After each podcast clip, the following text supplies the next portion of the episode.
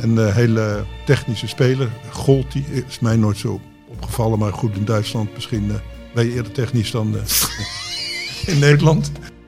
And uh, there used to be a ballpark Where the field was warm and green And the people played their crazy game with a joy I'd never seen. Dit is Hartgras podcast nummer 49. Rechts van mij zit Danielle Kliwon. Ze glundert. Tegenover mij Frans Tomezen en naast hem Thomas Heerma van Vos. We beginnen met uh, Quincy Promes, die deze week weer eens in het nieuws was. We luisteren naar Ten Hag. Maar nogmaals, uh, het is heel kwalijk en diep bedroevend dat hij op deze wijze in het nieuws komt. Want ja, hij heeft zoveel kwaliteiten. Um, en hier had hij niet in verzeld moeten raken. En dit is heel slecht voor zijn imago, dat is duidelijk.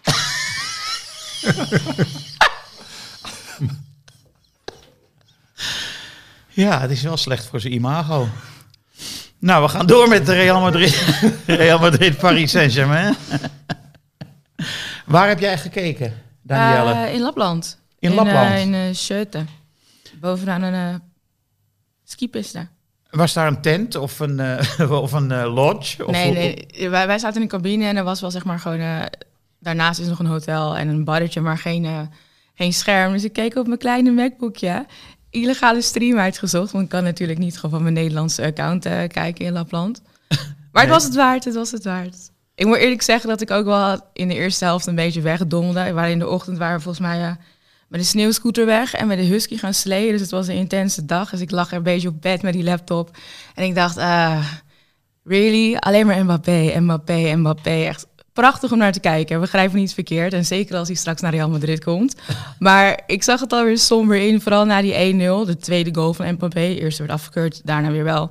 Tweede helft begon eigenlijk op hetzelfde. Maar toen, ja, toen was het Benzema unleashed. Een beetje net als uh, 2018 volgens mij tegen Karius druk zet op de keeper, maak een goaltje en dan gaan we die banaan. En was, hij het buiten, was het een overtreding? Tuurlijk niet. Oh.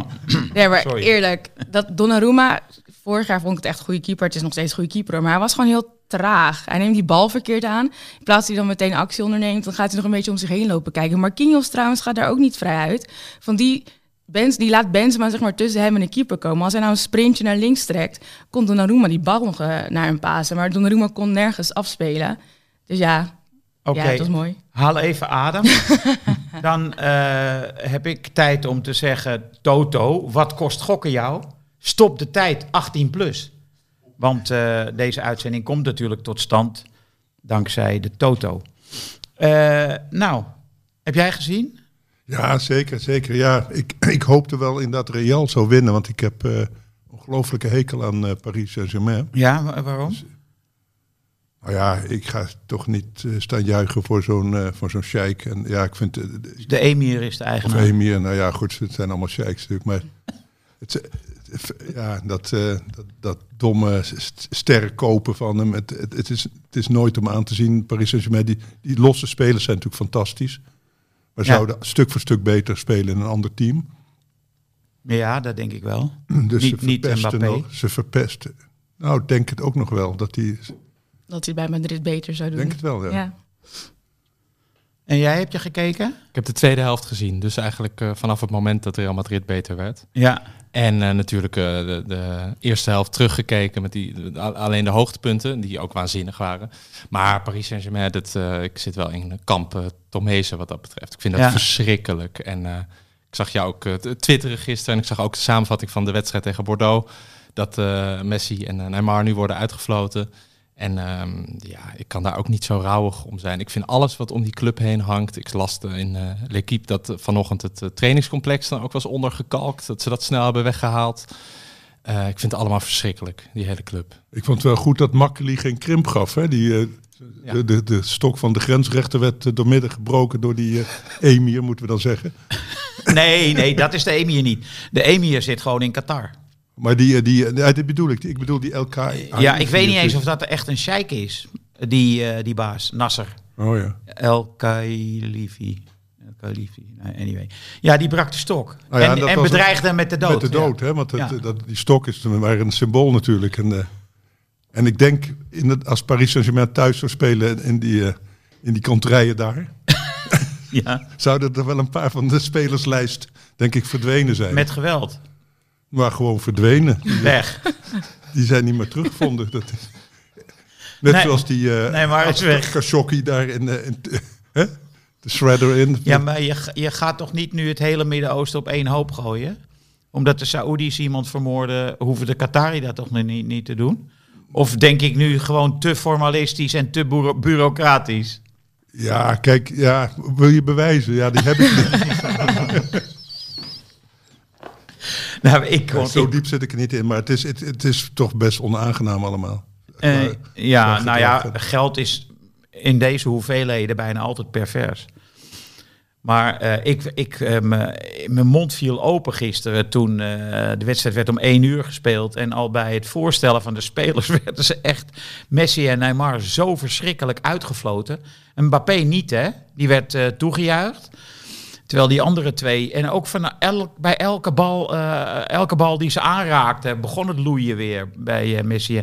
En Neymar die scoorde notabene een vrij mooi doelpunt op zeker moment. En twee minuten later werd hij weer, werd hij weer uitgefloten. Dus Ja, maar Neymar was slecht tegen Real. Ja. Hij was gewoon de allerslechtste speler bijna van het veld. Die, die, ook leed veel balverlies en eh, in de as. Ja. Van die, van die amateurfouten. Het was echt niet om aan. Ja, maar hem En- denk ik ook dat hij gewoon nog niet fit was. Hij is natuurlijk best wel twee, drie weken geblesseerd geweest. Dat je dan hem, hele, hem een hele wedstrijd laat staan, denk ik ook van oké, Poch, ga even goed wisselen. Kijk even hoe je tegenstander wisselt en pik daar wat van op. Ook dat je Messi verkiest boven Di Maria. Hoezo? Ik snap, het is een vedette, het is een baasje. Je hebt hem voor, nou, uiteindelijk gratis gehaald, want hij was natuurlijk transfervrij. Maar het is wel een naam, mooi voor de commercie, een marketingdeel. Maar als je kijkt wie er op dit moment gewoon beter speelt, is het Di Maria. Ga daar dan voor. Ja. ben ik helemaal met je eens. En toch, ik heb een klein beetje te doen met Messi, dat hij dan wordt uitgefloten. Dat is hem echt nog nooit in zijn hele leven niet gebeurd. Maar wel een beetje verdiend, vind ik. Want ik, ik vind als je zo in de weg loopt in een elftal. Ja, dat is het. Hij loopt in de weg. Inderdaad, dat is het gewoon. Ja, Ja. Het is gewoon eh, belachelijk. Dat, en hij is zo'n goede voetballer. Hij zou dat als eerste moeten beseffen. Eh, Weet je wat een moeilijk probleem is? Is het Messi eh, kwalijk te nemen dat hij voor die Qatari kiest? En eh, geldt dat ook voor eh, Neymar, Thomas? Hebben zij zeg maar een moreel besef of een moreel kompas nodig dat hun behoedt om zoiets te doen? Ja, dat is, vind ik een ontzettend, echt ontzettend lastig. Want ik, ik heb altijd een eh, ongemakkelijk gevoel nu bij Wijnaldum. Als die protesteert via het Nederlands elftal. Hè, die, die kwamen dan een paar keer eh, nou, tegen Johan Derksen vooral eh, in opstand. Eh, veel verder eh, ging het niet. En eh, vervolgens, als je goed naar hem kijkt, hij wordt uiteindelijk ook betaald door dezelfde eigenaar. Het, het geld komt bij dezelfde bron vandaan. Dus dan denk ik, ja, je kan eigenlijk al niet een serieuze mening hebben over het aankomende WK. Want je wordt daar indirect door betaald vanuit dezelfde hoek. En ik vind bij hem volkomen logisch dat hij voor geld kiest. Ja, je hoopt natuurlijk op enig moreel besef. Maar dat hele voetbal is gewoon totaal verdorven. Eh, het geld eh, bij, bij bijna alle grote clubs, ofwel die hebben het niet, zoals Barcelona nu, is ook volslagen belachelijk dat die nu met geld strooien. Ehm, ja, je hoopt er, ik hoop erop bij grote voetballers, maar ik, ik vind eigenlijk niet dat je dat kan verwachten. Ik vind dat je dat aan de hand van regels zou moeten doen. En eh, eh, ja, bij Messi, dat is natuurlijk een heel tragisch geval, want die loopt ook zo ontzettend ongelukkig nu over dat veld. Eh, maar dat is, weer, dat is weer iets anders. Ik vind dat je van de voetballers niet zoveel moreel besef kan verwachten. Die willen gewoon voetballen en geld verdienen. En die hebben iets van 15 jaar om dat te doen. En eh, dat je aan de hand van iets van regels, dat je dat, dat, dat, dat, schiet nu ernstig tekort. Ja, maar die regels worden gemaakt door mensen die er nog het allermeeste misschien aan verdienen. De Platinis en de Blatters en, de, en die, die, die schurken allemaal. Dus het is... En iemand als eh Tuchel, die, eh, de, tra- de, de trainer van Chelsea, zou die, eh, kun je van hem verwachten dat hij nu ontslag neemt? Ik heb met hem helemaal geen medelijden, omdat ik denk, hij, hij, eh, hij kan overal terecht. Dus wat is er nou zielig aan? Dat geldt ook voor die spelers. Ik vind dat nou, om daar nou eh, zielig over te doen over Chelsea. Nee, maar ik bedoel dat, eh dat Tuchel ontslag zou moeten nemen als protest tegen al dat Russische geld en weet ik Maar veel. waarom nu opeens? Ik bedoel, hij zit er al sinds 2003. Snap dat het nu een andere Nou, het is situatie nu oorlog, Het is nu ja. oorlog inderdaad, maar de, hier zouden al langer strengere regels en wetten voor moeten zijn geweest. En je kan nu wel met z'n allen zeggen, oh we nemen ontslag of we laten Chelsea vallen en het, he- het stort allemaal in. Maar ik bedoel, het is ook een beetje cultureel belang van de club zelf voor, voor Engeland. Dus dat gaat niet gebeuren. En dat stempel zou je misschien ook een beetje op Wijnaldum kunnen drukken. Dat het gewoon hypocriet zou zijn om dan nu opeens met z'n allen van boord te springen, terwijl we al twintig jaar bijna op hetzelfde schip zitten. Ja. Het is niet opeens dat. eh, ik bedoel, nu is het met Poetin, maar hij is natuurlijk begonnen met Yeltsin. Als we dan even over Chelsea hebben. Dat was ook al geen, eh geen cijferen koekoe die man aan zijn miljarden is gekomen. En dat wist iedereen. We wisten ook allemaal dat hij Chelsea alleen maar heeft gekocht voor bescherming en niet voor winst. Het was een overgang van Yeltsin naar Poetin. Poetin heeft toen volgens mij de rijkste oligarch ook vastgezet. Die, die oligarchen wisten allemaal, oh shit, we moeten onszelf beschermen. Abramovic dacht, hoe doe ik het best? Ik ga een podium zoeken waar ik in de schijnwerper sta, waar ik beschermd word door de, door de rule of law, door de rechtsstaat. En dan is het moeilijker voor Poetin om mij nu te pakken. En daar heeft de UK is daar gewoon faciliterend in geweest. In, ook bij Newcastle United, ook bij Manchester City, ook bij Everton met Oes, Oesmanovi of Oesmanov. Ja, die heeft inmiddels zijn aandelen verkocht, hè? Klopt, maar dat, dat is dan makkelijker voor hem om te doen, omdat hij natuurlijk ook geen eh, groot eigenaar was. Hij was Ja. niet de controlerende. Deels, deels eigenaar. Ja. Ja, samen met die Hashim, Hashiki, Amerikaan. rare achternaam. maar dat, het zijn dingen die al jaren gaande zijn. We hebben het allemaal laten gebeuren. maar nu is het natuurlijk toch veranderd. Als je kijkt bij de, in de klassieke muziek, Gergiev, die is overigens gecanceld in de hele westerse wereld. Die laat nu een paleis bouwen ergens in eh Ossetië of in die hoek daar. Hè, want die, die komt nooit meer aan de bak ergens. En, en dat is een van de allergrootste dirigenten ter wereld. Dus ik snap niet waarom zo'n voetbalclub als Chelsea... dat die, dat die nog een uithangbord kan zijn van zo'n eh, bl- bloederig eh, regime. Want die Abramovic heeft altijd geld verdiend dankzij deeltjes met eh, Poetin. En hij probeert een, een leuk imago, hè, over Den Haag gesproken. Het imago van Promes is natuurlijk peanuts bij het imago wat Abramovic creëert met Chelsea. Het gewoon een, een, een, een, smeerlap eerste klas is. Natuurlijk net die medeplichtig is aan al die smeerlapperij in dat hè, Empire of Evil, zoals Reagan het al noemde, of het Empire of Lies, zoals het nu genoemd wordt. Het is gewoon een, een, crimineel, een criminele regering. En daar is, is hij een van de grote profiteurs van, die Abramovic. Al die mensen die die, die, die grondstoffen exploiteren, die zijn, dat zijn de allerergste. Die betalen ook gewoon bloedgeld aan Poetin. Die, die, dat, die moeten gewoon net zoals bij de maffia gewoon afdragen. Dus ja, als je zo iemand eh, laat toejuichen, wat hebben die Chelsea supporters, die geven nog eh, spreekkoren te- ten voordele van hem. Ja, dat was ook Ja, bizar inderdaad. dan Dan, moet- kom je met stop war en eh, geel met eh, blauwe shirts op het veld. En vervolgens gaat je hele achterban, Ja. gaat Roman Abramovic even Dus als je niet afstand kan nemen, zoals Toegel ook maar half doet, van ik, het is mijn zaak niet, ik ben hier niet de baas. En denk ik, ja, voor je, hoeveel miljoen verdien je daar? Dus, ja, en, en die spelers hebben er niks mee te maken en niemand heeft er iets mee te maken. Ja, ik vind dat best weerzinwekkend. Ja. Ja, maar ze eh, hebben nu toch een licentie natuurlijk ook van de regering, die wat ook echt unprecedented is, dat de, de Engelse regering zich nu zo een dikke vinger in die pap heeft.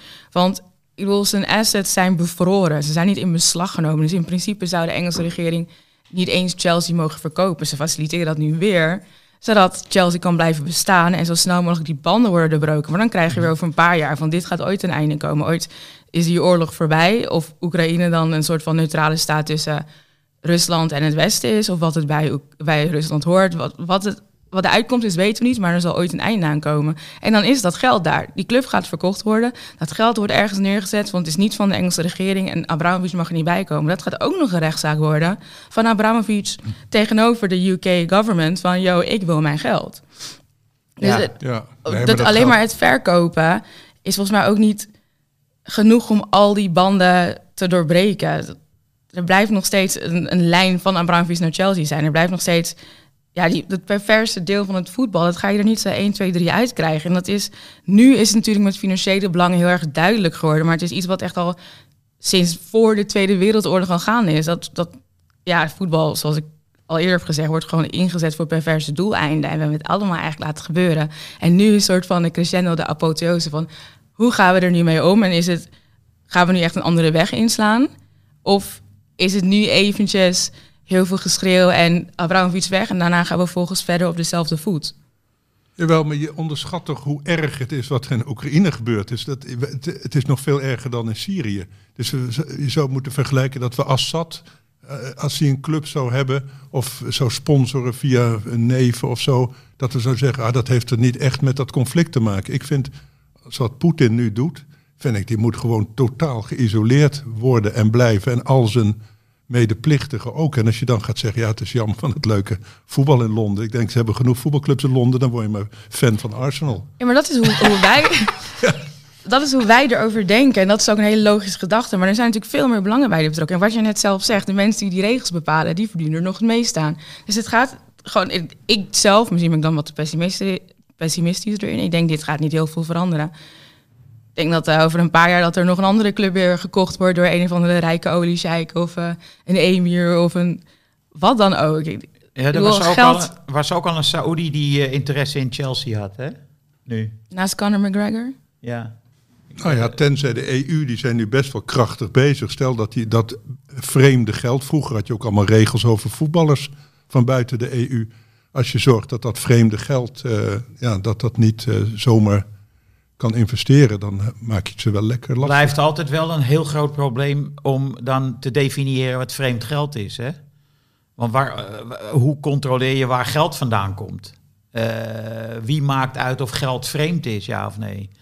Nou ja, uiteindelijk eh, hoop je toch dat belastingdiensten daar wel enige kijk nog op hebben. ik weet dat dat...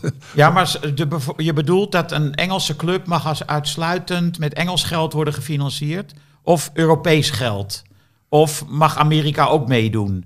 Dit zijn allemaal uh, principiële problemen die je niet 1, 2, 3 uh, kan... Nee, nee, dan zou het moeten gaan over echt over landen die, waar, waar, hè, waar, waar, waar we iets tegen hebben. Ja, waar, waar mensenrechten zo ja. Eh, criminele staten. Laat ik is dan zeg je niet de westerse landen? Ja.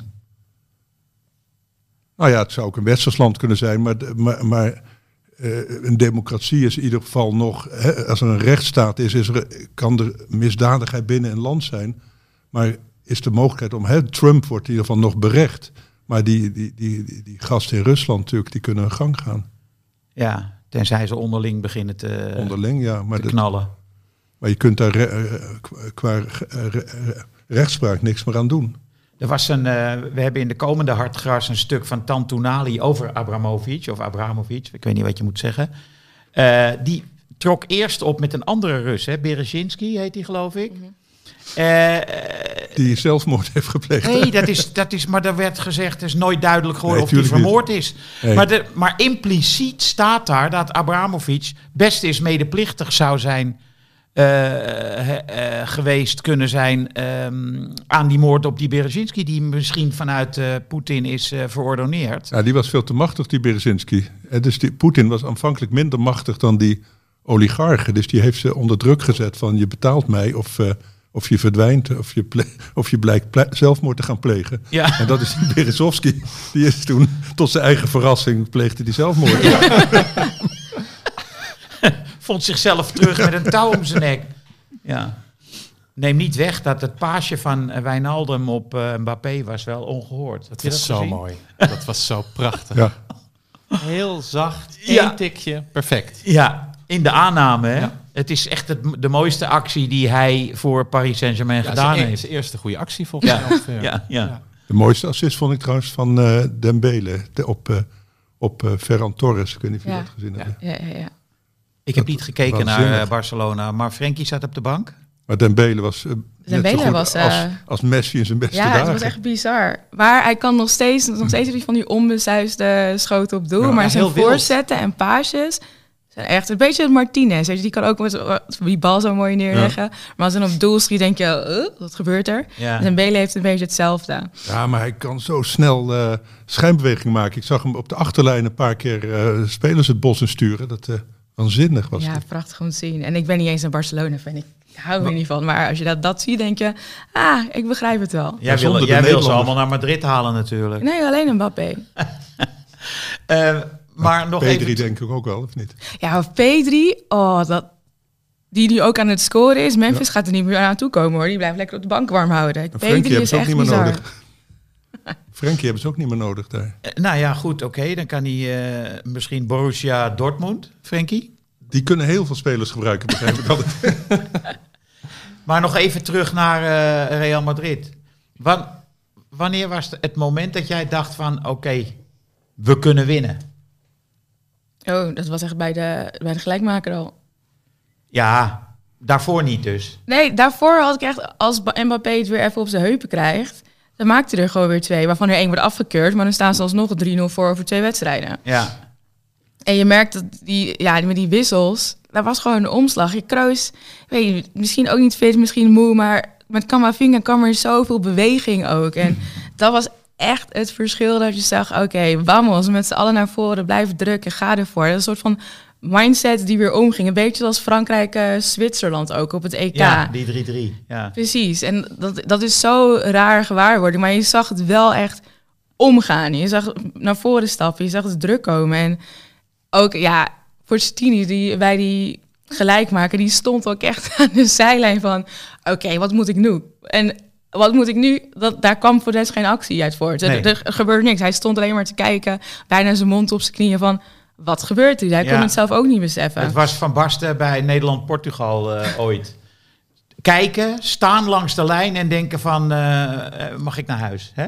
Wanneer is dit voorbij? Maar hij werd outclassed door eh, Ancelotti, Pochettino.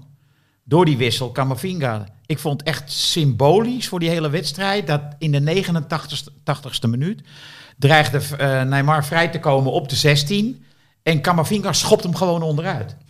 dat vond ik echt ongelooflijk, want Camavinga is dus van oorsprong geen verdedigende middenvelder, maar hij, hij gebruikte zijn lichamelijke kracht om Neymar te schoppen, die alles mooi wil doen, weet je wel. Dus hij liet zien wat je nodig hebt om een wedstrijd te winnen. En Neymar heeft dat gewoon niet, die wint nooit wat. Die gaat echt nooit wat winnen.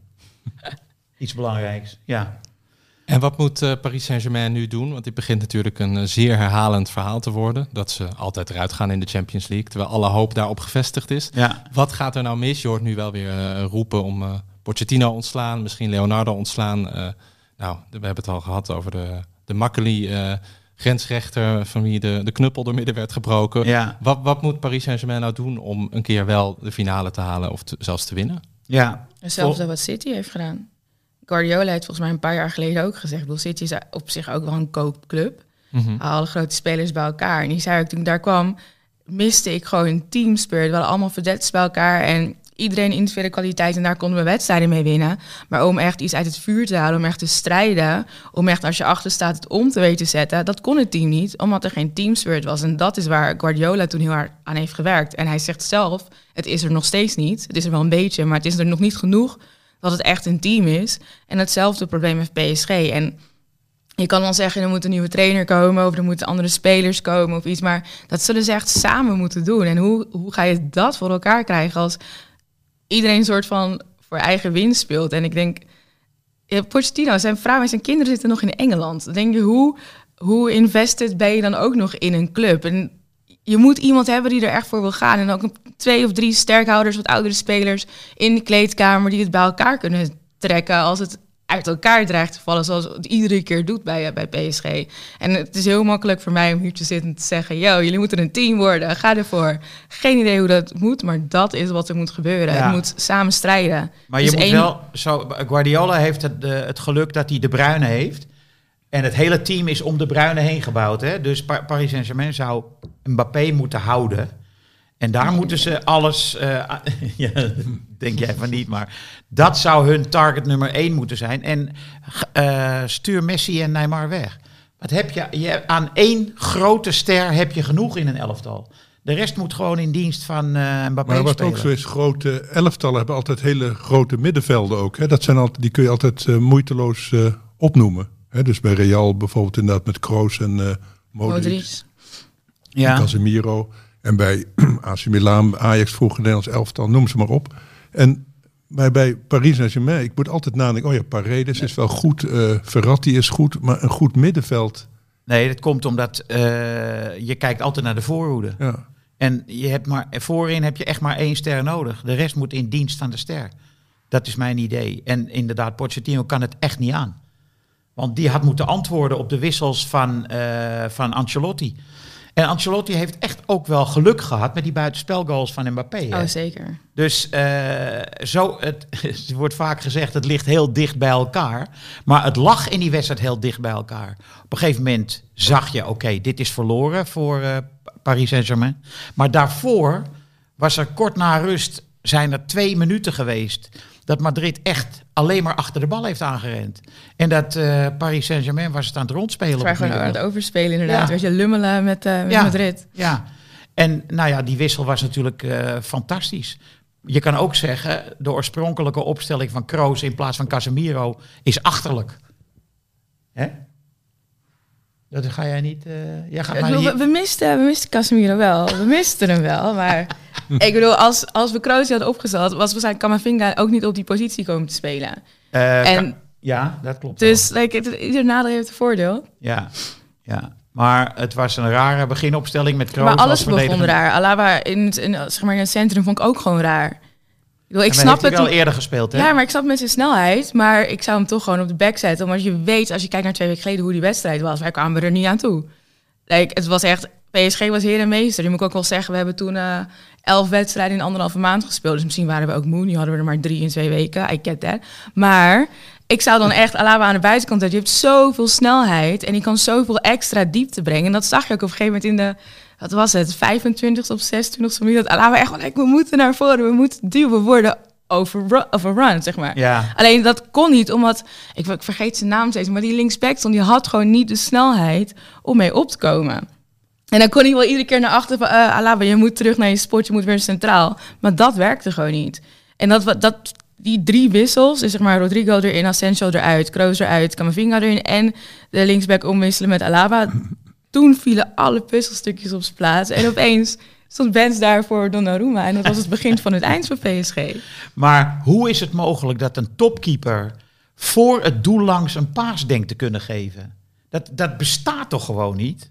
Daar moet, eh, moet die Rayola zich toch dood voor schamen? Ja. En die Marquinhos had ook eh, rare dingen. Ja, die was Die was bij aan- alle goals van Benz betrokken. Die was aan het kloten. Die was gewoon bang voor Benzema, denk ik. Ja, maar die gaf ook van die breedte paasjes Ja. in het eigen doelgebied. Het, Terwijl het 3-1. normaal, normaliter is het echt hun- een van hun beste spelers, hè, Marquinhos. Ik denk niet dat eh, Rayola zich snel schaamt trouwens. Nee, maar ja, wat heeft hij, wat heeft hij, eh, wat heeft, voor welk bedrag is hij gekocht? Die Donnarumma. Of was hij ook Die verlengde toch niet? Dat was Hè? Is hij ook, niet transfervrij ik. Ja, transfervrij. Ja, verdient wel natuurlijk een... Maar gisteren keepte Navas tien keer beter, hè? Dus waarom Dus staat... dat is ook een stukje. Waarom steeds dat wisselen Ja. met keeper? Eén keer Navas, één keer Donnarumma. Like, geef één keeper het vertrouwen, ga daarop bouwen. Maar nu gaan we hele tijd maar heen en weer. Ja. Wishy-washy, dat, dat, dat Ja, is ook je geen solide natuurlijk de nationale basis. keeper van Italië niet op de reservebank zetten. Dan moet je hem verkopen. Nou ja, hij is 21 jaar, dus zo gek zou ik dat niet vinden. Navas is gewoon... Ja, nu echt- het zegt, hij echt is een echt bizar jong trouwens. Ja, Ja, ja, dus hij, ik bedoel, een keeper is op zijn hoogtepunt als hij 28 is. Misschien zoiets. Of 30, weet ik veel. Italiaanse keepers die zijn meestal laadbloeiers. Ja, Die gaan lang door. Buffon, Kijk naar? Buffon. Sof. Nou ja. Moeten we die over Ajax hebben? Ajax? Even Rotterdam een beetje te gerust te stellen. Want die, vinden dat, die zitten te genieten nu. Ja, ja. En ja. de rest van Nederland. Het was vrijdagavond al, hè? Wat is dat lang? Oh ja, maar die andere was nog. Maar die wedstrijd van Paris Saint-Germain tegen Real Madrid beklijft toch iets langer dan Ajax Cambuur, hè? Ja, ah, nee, het be- beklijft zo kort dat je hoopt dat het helemaal niet eh, bestaat eigenlijk. Dat eh, Ajax zo speelt. Maar goed, dus dat... eh, Het waren twee bijna identieke wedstrijden, RKC en, eh en Cambuur. Ja. En ik bedoel, zoals ik al zei, die verdediging van PSG leek ook een beetje op de verdediging van Ajax. Ja, dus is dus een mentaal iets. je, je, je denkt dat je al gewonnen hebt. En dan blijkt een ander Ja. er anders over te denken. Dan kun je niet meer die vechtlust eh, inzetten. Ja, ik denk Dan ook wil de dat... ander het meer dan jij. Ja. Ik zag, ik zag gisteren de wedstrijd eh, Lyon tegen Rennes. En het is toch iets Nederlands. Want eh, Ajax en restverdediging, oké, dat bestaat gewoon niet. Hè? Als de tegenstander begint eh, te draaien, dan eh, vind je Timber terug bij de hoekvlag aan de overkant. Bij wijze van spreken. Eh, Bos, die, die had dus ook een spectaculaire aanvallende opstelling gemaakt. En stond na 20 minuten 3-0 voor Ren. En toen ging die na rust nog aanval aanvallender spelen met Lyon. En toen stond het twee minuten na rust 4-0 voor Ren. Het is echt iets Nederlands. Dat deed ik vroeger ook altijd trouwens. Als ja. ik voetbalmanager speelde en ik, ja. ik, stond achter, dan ging ik nog aanvallender spelen. En dan ging ik mijn middenvelder ging ik naar boven slepen, zodat hij precies achter de spits kwam. En dan haalde ik één centrale verdediger eruit. Ik, ik weet, het is een soort van... Ja, een rare reactie van we staan achter, we moeten nu nog meer aanvallen. We moeten nog meer naar voren, want dan komt die goal vanzelf wel. Wat natuurlijk nergens op slaat en het werkt niet. Maar het is wel een soort van basis, primitieve reactie van... oh, nu moeten we gaan, want we staan achter. En dat zie je wel echt heel erg terug. Ook bij de Ajax tegen Benfica, Ajax tegen RKC... nu ook dus in Lyon met Bos. Misschien is het wel iets Nederlands. Het is echt Nederlands. Nou, is, wat ik ook Nederlands vind, is de, Ajax, maar ook van andere van die sportcommentatoren die al aan het afronden zijn halverwege de tweede helft. En dan zitten ze al uit te kijken naar de volgende wedstrijd, de stand al uh, maar dat was ook met, uh, met PSG Madrid. 2-2, we gaan verlengen. Hallo, we moeten nog ja. uh, eh, 20 minuten. Nou, maar dat is ik denk dat trouwens. Dat, maar dat gaat ook bij die spelers. Als, dat is natuurlijk iets Nederlands. Dus dat denken die spelers ook van. We staan 2-0 voor bij de rust. We gaan alvast even voorbereiden voor de volgende wedstrijd. En dit even uittikken. En, uh, en als dat dan mislukt, dan. dan nou ja, in het geval van Lyon stonden ze 3-0 achter en ze gingen nog meer aanvallen. Ja, ik heb die goals ook gezien. Het was ook zo pijnlijk. Het was, ze werden helemaal zoek getikt. En het is wel echt een constante bij Bos, bij alle clubs ja. waar hij traint. Soms gebeurt er wel iets oh, in positieve zin. En natuurlijk bij Ajax was het ook even wel fris. Maar ze kunnen gewoon nooit verdedigen. Nee. Ze krijgen altijd zo ontzettend veel goals tegen. En Lyon staat nu, zag ik, tiende. Ja, dat is gewoon weer een uh, Nederlandse trainer die in het buitenland echt aan het mislukken is. Ja. Het begint wel een tragisch verhaal te worden. En hij kijkt dan de hele tijd zo met een beetje gefronst, gepijnigde blik. Ja. Hij heeft ook geen idee. Echt geen idee. En die, volgens mij vinden die spelers het ook helemaal niks. Nee, maar hij begon gisteren weer, en dat is een soort van klassieke fout die al heel lang wordt gemaakt. Een verdedigende middenvelder centraal achterin zetten. Dat heeft hij gedaan. Thiago Mendes is een goede middenvelder en die stond centraal. Ja, sorry, maar dan gaat een tegenstander er overheen lopen. Klaar. Dat heeft Cruijff toch ooit bedacht? Een uh, middenvelder centraal achterin. De enige bij wie het ooit gelukt is, is uh, Rijkaard volgens mij. oh ja, ja. Haan in de finale. Uh, ja. Nee, hij heeft het heel vaak gedaan. Haan, Rijkaard inderdaad. Maar hij heeft het ook gedaan met Koeman. Ja. Koeman is ook altijd de middenvelder. Die, ja. ja. Maar goed, uh, er wordt wel vaak, de naam van Peter Bos valt vaak ook als opvolger van Ten Haag, ook als opvolger van uh, Schmid bij PSV. Is dat verstandig? Nou, wij, wij zitten hier met de Ajaxide onder elkaar, dus wat mij Doe betreft maar. kan hij naar PSV. dat juich ik toe, maar niet terug naar Ajax. Nee, alsjeblieft niet. Nee. Nee. maar heel veel mensen hebben natuurlijk wel dat seizoen Europa League. Dat is wat zij nog weten van Peter Bos. En dat schrijven ze hem volledig toe. Dus oh ja, het zou wel een goed idee zijn. Maar als je dan kijkt inderdaad wat hij nu echt ermee te maken heeft, hoe hij de spelers neerzet en zijn tactisch inzicht. Ik bedoel, ik kan niet analyseren, ik ga niet verder oh my god, bent me geweldig. En dat is mijn analyse. Maar zelfs ik kan zien van, yo, Peter, dit klopt niet helemaal wat je doet. Misschien moet hij ook zeg maar voetbalmanager gaan spelen. Huntelaar gaat het bepalen bij Ajax. Nou, is voorlopig even stagiair, dacht ik. Ja, Parool kwam met een pushbericht. Huntelaar neemt taken over over. Hij was like, ah, wat? Wat gebeurt er? Maar het viel allemaal mee. het, was, het was niet zo erg. Ik schrok al. Uh, Oké, de wedstrijden van de week. Pel, ik zag Pelle wijzen zo vanuit mijn rechteroor vandaan. Uh, de wedstrijd van de week. Eerst Ajax-Feyenoord. Frans. Het is natuurlijk na, na Benfica is het, hè? Dus... Ja, maar Benfica is dinsdagavond. Ja. En Feyenoord uh, moet nog tegen Partizan. Ja, maar dat deden ze wel heel makkelijk. Hè? dat deden ze wel heel makkelijk. Dat is donderdag. Het is wel de lam en de blinde momenteel, hè, Ajax tegen Feyenoord. Dus uh, wie de slechte vorm is, uh, is, is de vraag een beetje. Dus ik denk wel dat ze het, het beste in allebei boven haalt. En dan is Ajax gewoon net iets beter. Dus dan wordt het toch 3-0. 3-0 toch wel? Ja, mm. ja Kukcu geschorst. Dat helpt Ajax natuurlijk ook. Ik denk een goede 2-0. Ja, een makkelijke 2-0. Danielle, jij? Ja, ik denk dat het nog wel lastig wordt. Uh, 2-1 voor Ajax, maar heel lang 1-1. Net zoals hoe Feyenoord zeg maar, won van PEC. Zo gaan wij winnen van Feyenoord. Ja, ik zeg 1-0. Doelpunt uh, Robbie. Oh, die is er weer, hè? Ja. Ja. Dan wordt het in de tweede helft dus. van Ja, hij viel wel heel erg goed in. Ja. Die laatste, wat was het, 10 minuten. Ajax Benfica, uitslag en doelpuntenmaker. Danielle, we beginnen nu met jou. Oh, ik ga dus morgen in de Bloembar kijken met Studio Jaxi. En de laatste keer dat ik daar keek was tegen Dortmund. Die eerste wedstrijd waar we tegen alle verwachtingen met wat 4-0 volgens mij of 5-0 wonnen. 4, dacht ik. Dus eh, ik, ho- ik hoop dat mijn aanwezigheid weer geluk brengt. Ik ga voor de 3-1. En doelpuntsmaker, ik blijf erbij, Haller. Thomas. Ik eh, denk, poeh, eh, hakken over de sloot Ajax door. Want ik vind het allemaal erg eh, rommelig. En eh, zolang Per Schuurs niet speelt, eh, denk ik dat we doorgaan. ik denk... eh, En Rens moet ook niet spelen, hè, Nee, trouwens. moet ook zeker niet spelen, nee. T- 2-1 en eh, dan Tadic gaat er weer eentje maken. Oh ja. Ja. En jij? Ehm, vorige keer vielen er best makkelijk doelpunten, hè? Want iedereen dacht dat Benfica heel verdedigend was. Maar Ja. viel heel erg eh, tegen eigenlijk. Dus er gaat veel ruimte ontstaan, dus er vallen best veel goals. Ik denk dat het 3-2 wordt voor Ajax. Ja. En Anthony in ieder geval scoort. Oh ja?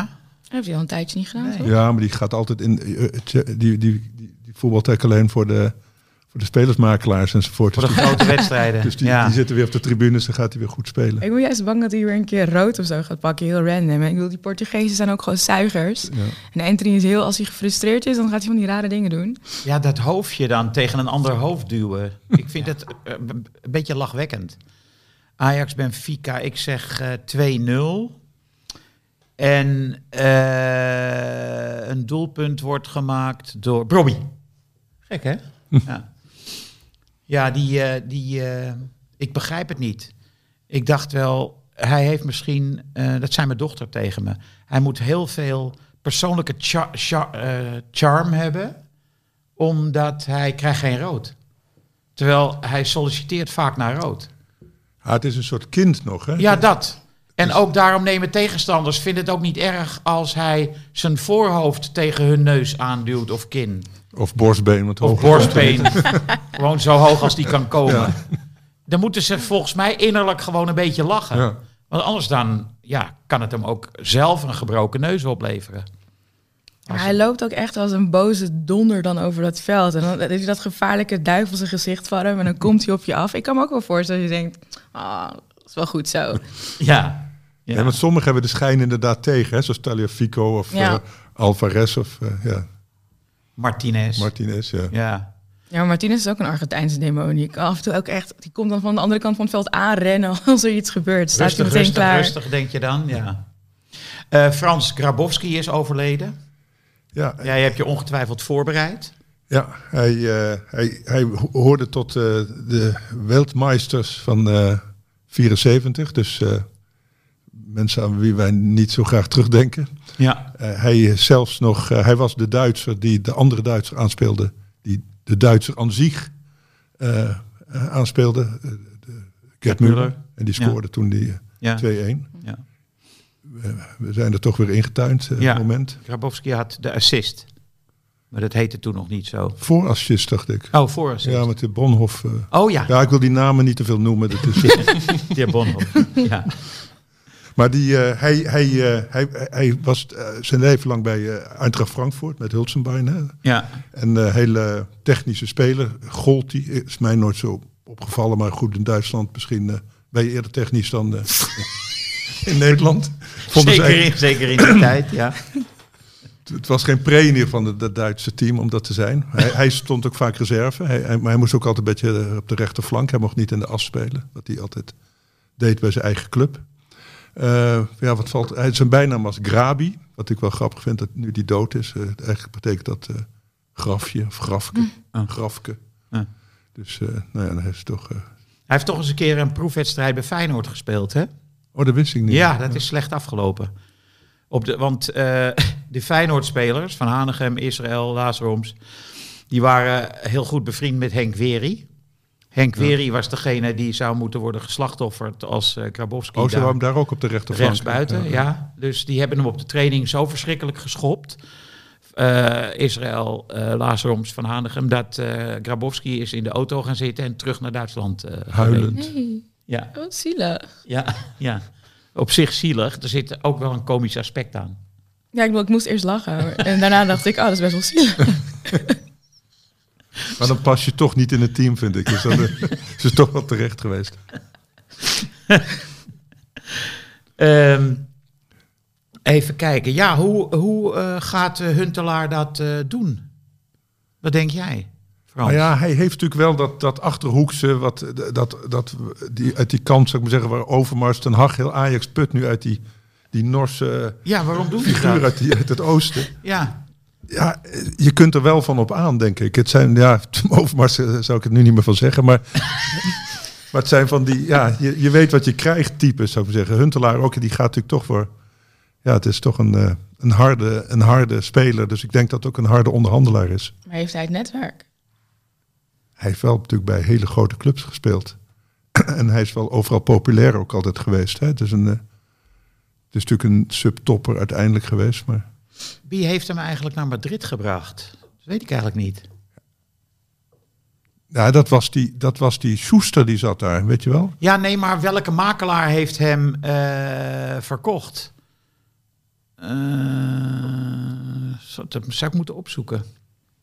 Want dat is in ieder geval het begin van zijn netwerk. Ja, misschien zijn eigen vader of zo. Want dat heb je toch ook wel bij die, die soort eh, jongens. toch? Dat, Wat bedoel je daarmee? nou ja, gewoon zo, ja, zo'n eh, boerenfamilie. Dat doen we allemaal wel zelf. Dat, eh, dat, Ik heb ook dat filmpje dat de Ja. cameraploeg bij die vader van hun daar langs gaat. Nou, blijft geweldig. Die nuchterheid. Ja. ja. love it. Hij heeft ook allemaal van die broertjes die er ook precies zo uitzagen, kan ik me herinneren. Van die Maar ik, hij is wel, hij is wel zo'n nuchtere gozer. Ik krijg bij Huntelaar altijd een beetje Tom Brady, niet zeg maar de greatest of all time, maar gewoon Tom Brady, de boy next door, die het groot heeft gemaakt, die ook wel een charme heeft. You love to hate him. Misschien dat dat ook wel werkt. Ik vind hem ook wel grappig. En eh, ook dat hij een moestuin heeft. Hè? Hij heeft toch een moestuin? Ja, Ja, dat is natuurlijk een eh, verrassend aspect bij een eh, technisch directeur daar werd van, hij een, rustig van een voetbalclub. Daar werd hij rustig van, toch? Ja, Even zo. tuinieren voor de contractonderhandelingen. Ja, prima. Zoals Henk Vos eh kooikarpers had. ja, ja, maar dat vind ik nou wel weer iets typisch nouveau riche. Dat geloof ik wel van een voetballer. Maar een moestuin, ja, Dat zegt dat hij niet eh, bang is om zijn handen vies te maken. dat is zeker het geval. Nee, ze kiezen wel bij Ajax voor een soort anti-helden. En dat vind ik wel op zich wel goed. Want het is natuurlijk toch een beroep waar, waar we het net over hadden. Voetbal en geld eh, leidt vaak tot eh, misdadigheid. Dat zie ik bij Huntelaar toch niet zo gauw Nee, in nee. terechtkomen met allerlei duistere figuren. Ja, hij is meer dan de Gandalf die zich niet laat corrumperen door Ja. die bal. In plaats van de Saruman in het voetbal. Ja. Zoals de sheiks en de emirs dat zijn. Ja, van Marcel mogen we nooit in heldendom geloven, maar een klein heldje zoals eh, Huntelaar is gepast, denk ik wel. Ja, oké, ik heb geen hekel aan Huntelaar. Nee, Integendeel, nee maar het is ook net zo'n held op, op mensenformaat nog, hè? op sokken. Ja, een held. Nou, het sokken Ja, niet. Nee, het is wel. Eh, een bereikbare held. Pantoffels. Nee, hij is best wel een. eh, hij gaat voorop in de strijd, toch? Het is een, een pantoffelheld, is een, beetje een bange Ja, dat is waar. Nee, Dus ik vond hem altijd wel stoer, moet ik zeggen. ja, ja, ja. En ik was altijd wel blij als hij erin kwam in de tachtigste minuut of zo, als er nog gescoord moest worden. Ik hoop wel dat hij aan de onderhandelingstafel sneller eh, blijkt te zijn dan in het, eh, dan in het veld. Ja. Maar dit gaat sowieso nog twee, drie, vier jaar duren voordat Tuurlijk. hij daarvoor klaar Hij moet is. eerst naar de Johan Cruijff Academie. Wie komt er in de tussentijd? Ja, die, ja, jij weet dat beter. Er is toch zo'n vent die al hem assisteerde over Mars, hoe heet hij? Eh, ja, die van eh, zeker, Hamming heet die Hamming, geloof ik. Ja, ja die, die wordt voorlopig de waarnemend eh, technisch directeur. Maar goed, het- hetzelfde probleem hebben ze bij Paris Saint-Germain dus nu ook. Daar moet ook een nieuwe technisch directeur komen. Er moet een nieuwe alles komen. Ja, En het is Ehm, toch veel belangrijker voor hun, bij Ajax begrijp ik altijd die veldmaten, die internationale scouting, dat Ja. daar halen Mhm. zij toch hun, hun kapitaal binnen. En dat verkopen is natuurlijk ja, minder moeilijk dan aankopen. Mm. verkopen is ook niet makkelijk. Je, je verkoopt niet zomaar een speler voor het maximale bedrag. Daar was Overmars echt heel goed in. Ja, dat kon hij ongelooflijk goed. Ja. Hè? Ja. Want, eh, nou goed, heb- ik heb hier vorige keer dat verteld over die transfer van Suarez naar Liverpool. Die bijna misging omdat de, de TD toen van Ajax, die kon het gewoon niet. Dat Ja. Liverpool heeft was Rob... dat? Hè? Wie was dat? Volgens mij was het Rick van der Boog, maar dat weet ik niet helemaal zeker. Oh, die basketballer. Wat was het? Nee, dat is geen basketballer, maar... Volleyballer. Nee, nee, nee. Het was iemand van... eh, die kwam uit de entertainment-industrie. Ja, oh ja, dat Ja. was het. Maar eh, toen hebben ze Rob Jansen erbij gehaald om in godsnaam heeft Liverpool gedaan om die transfer eh, vlak te trekken. Dus zo makkelijk is het niet. Terwijl Liverpool wilde Suarez echt heel graag hebben. En toch kon die vent die transfer niet eh, tot stand brengen. Maar het heeft toch ook te maken dat ze uit verschillende bronnen betalen. Soms krijg je een bedrag rechtstreeks, soms is het toch in, in, in Nee, in, in partjes. partjes. Ja. Ja. En verschillende partijen die erin deelnemen, toch ook wel. Ja, ouders. Ja. Eh, Hebben wij ons geld voor Quincy Promes al ontvangen? eh, Nee. Dat nog in termijnen, toch? Dat volgens mij nog twee andere ja. spelers waar we ook nog geld voor moeten krijgen. gaat. Neres, dacht ik, en nog één. Traoré. Oh ja, Traoré, inderdaad. Ja. Traoré ook nog? Ja. Dus Ongelooflijk. het kost eigenlijk een hoop geld. Nee, maar dit gaat niet Volgens meer mij is binnen. het 20, 20 miljoen, 19, komma nog wat. Nou ja, dus eh, voor Giro 555, zullen we maar zeggen. Zien Dat geld dat komt niet meer Nee. binnen. Nee. Kunnen ze weer juichen in eh, sommige andere steden. Eh, ik vind, weet je wat ik gek vind? Dat Sparta die zes minuten moet uitspelen tegen Vitesse. Ja, Weet je waarom dat is? Omdat andere clubs zich anders benadeeld voelen. Het is een heel slecht argument. Het, eh, het is niet het argument dat de zu- zuivere speeltijd niet eh, voltooid is, want die, die, dat is natuurlijk arbitrair. Maar het was omdat de andere degradatieclubs zich benadeeld zouden voelen. Dus de KNVB heeft gewoon een beetje ja, iedereen te vriend een beetje willen houden. Ja, het is toch heel erg gek. Ik bedoel, Vitesse is de schuld van de ongeregeldheden. Sparta wordt bedreigd en bekogeld. Die gaan naar binnen. En eh, ja, ik vind het, het druist in tegen mijn rechtvaardigheidsgevoel. ik zou zeggen eh, 1-0, klaar, En wegwezen. dan zul je nog zien dat ze er twee om hun oren krijgen en Ja. degraderen. Ja, maar dat zou buitengewoon onrechtvaardig zijn. Ja, maar oh, het wist ik niet dat dat. eh het Ja, ik weet niet of het, het werd als. Het, ze brengen dat natuurlijk niet naar buiten, maar dat werd eh, in, in analyse zo eh, gesuggereerd. Ja, en gisteren gooiden die supporters van PEC ook weer. eh, vuurwerk en bekers. hè? Vuurwerk en bekers. Ja. Ik begrijp, de, jij bent heel jong. Jullie zijn allebei jong, Danielle en Thomas. Maar snappen jullie iets van de vuurwerkfetisch van voetbalsupporters? Dit is zo bizar. Ik snap er echt niks van. Ik Maar snap er ook sowieso, helemaal niets van. dat, dat, het gooien van bekers en zeg maar boos je eigen spelersbus opwachten, eigen spelers uitfluiten, vuurwerk gooien, al die dingen. Snap ik gewoon niet. Het zijn gewoon mannen die zich vervelen en niet weten wat ze met hun agressie aan moeten. Maar waarom je dan Een rotje gooit. een rotje gooit naar de keeper van de tegenpartij. En meteen vervolgens je eigen team benadeelt. ook, ja. Dat vond ik nog wel weer een gepaste straf voor Zwolle. Dat het eh, direct daarna ging het echt mis.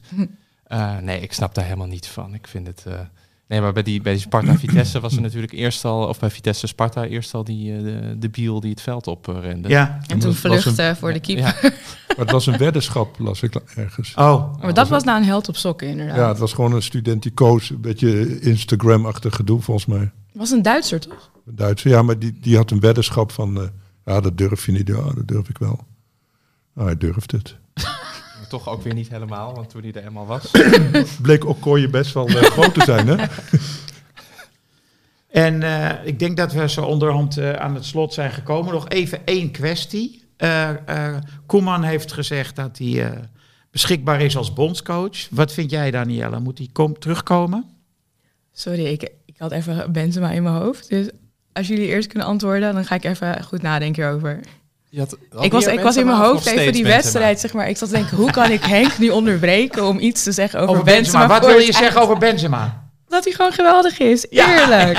Hebben jullie hier niet van genoten? Ja, We hebben natuurlijk. het echt niet genoeg gehad over Benzema. Natu- natuurlijk, die laatste 28 goals in de Liga, 7 in de Champions League, 2 na het rare uitstapje naar Saudi-Arabië. assist. Die ook nog, ik weet niet hoeveel assists hij heeft gemaakt eigenlijk. Die derde, Maar- die derde goal was echt wel eh, het zogenaamde roofdierendoelpunt. Het hè? was geweldig. En die emotie die eruit kwam. Hij was bijna aan het huilen. Dat hij op zijn knie op de grond zit. Modric die hem vasthoudt. Ik, ik denk als ik thuis ben, ga ik nog een keer de hoogtepunten kijken. En gewoon genieten van de troon waar Benzema nu op zit. Die witte stoel die Alaba zeg maar omhoog eh, tilde van... Ja, dat is de troon van Benzema. Hij En- zit er. En eh, hoe is het mogelijk dat Modric, die twee jaar geleden volkomen uitgeput leek, dat hij nu, zeg maar, Het halve veld overrent. Het letterlijk zeven spelers van PSG omzeilt. ja, Ja, Ja, maar spelers worden sowieso gauw afgeschreven. Want ik vond iemand als Busquets ook weer geniaal eh, spelen. De, hè, er werd toch al jaren gezegd, nou die Frenkie is veel, eh, veel beter. ja. Nou, die Frenkie die komt er niet meer in als Busquets zo blijft spelen.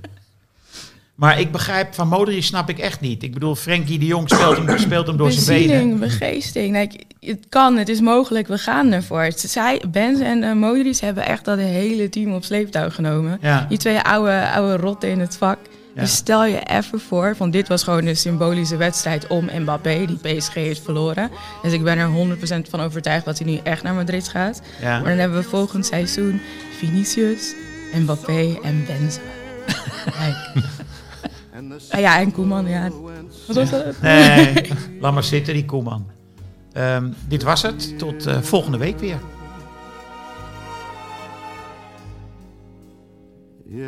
Hartgras is een podcast die geboren is uit het blad Hartgras. Van papier, ja. Gek, hè?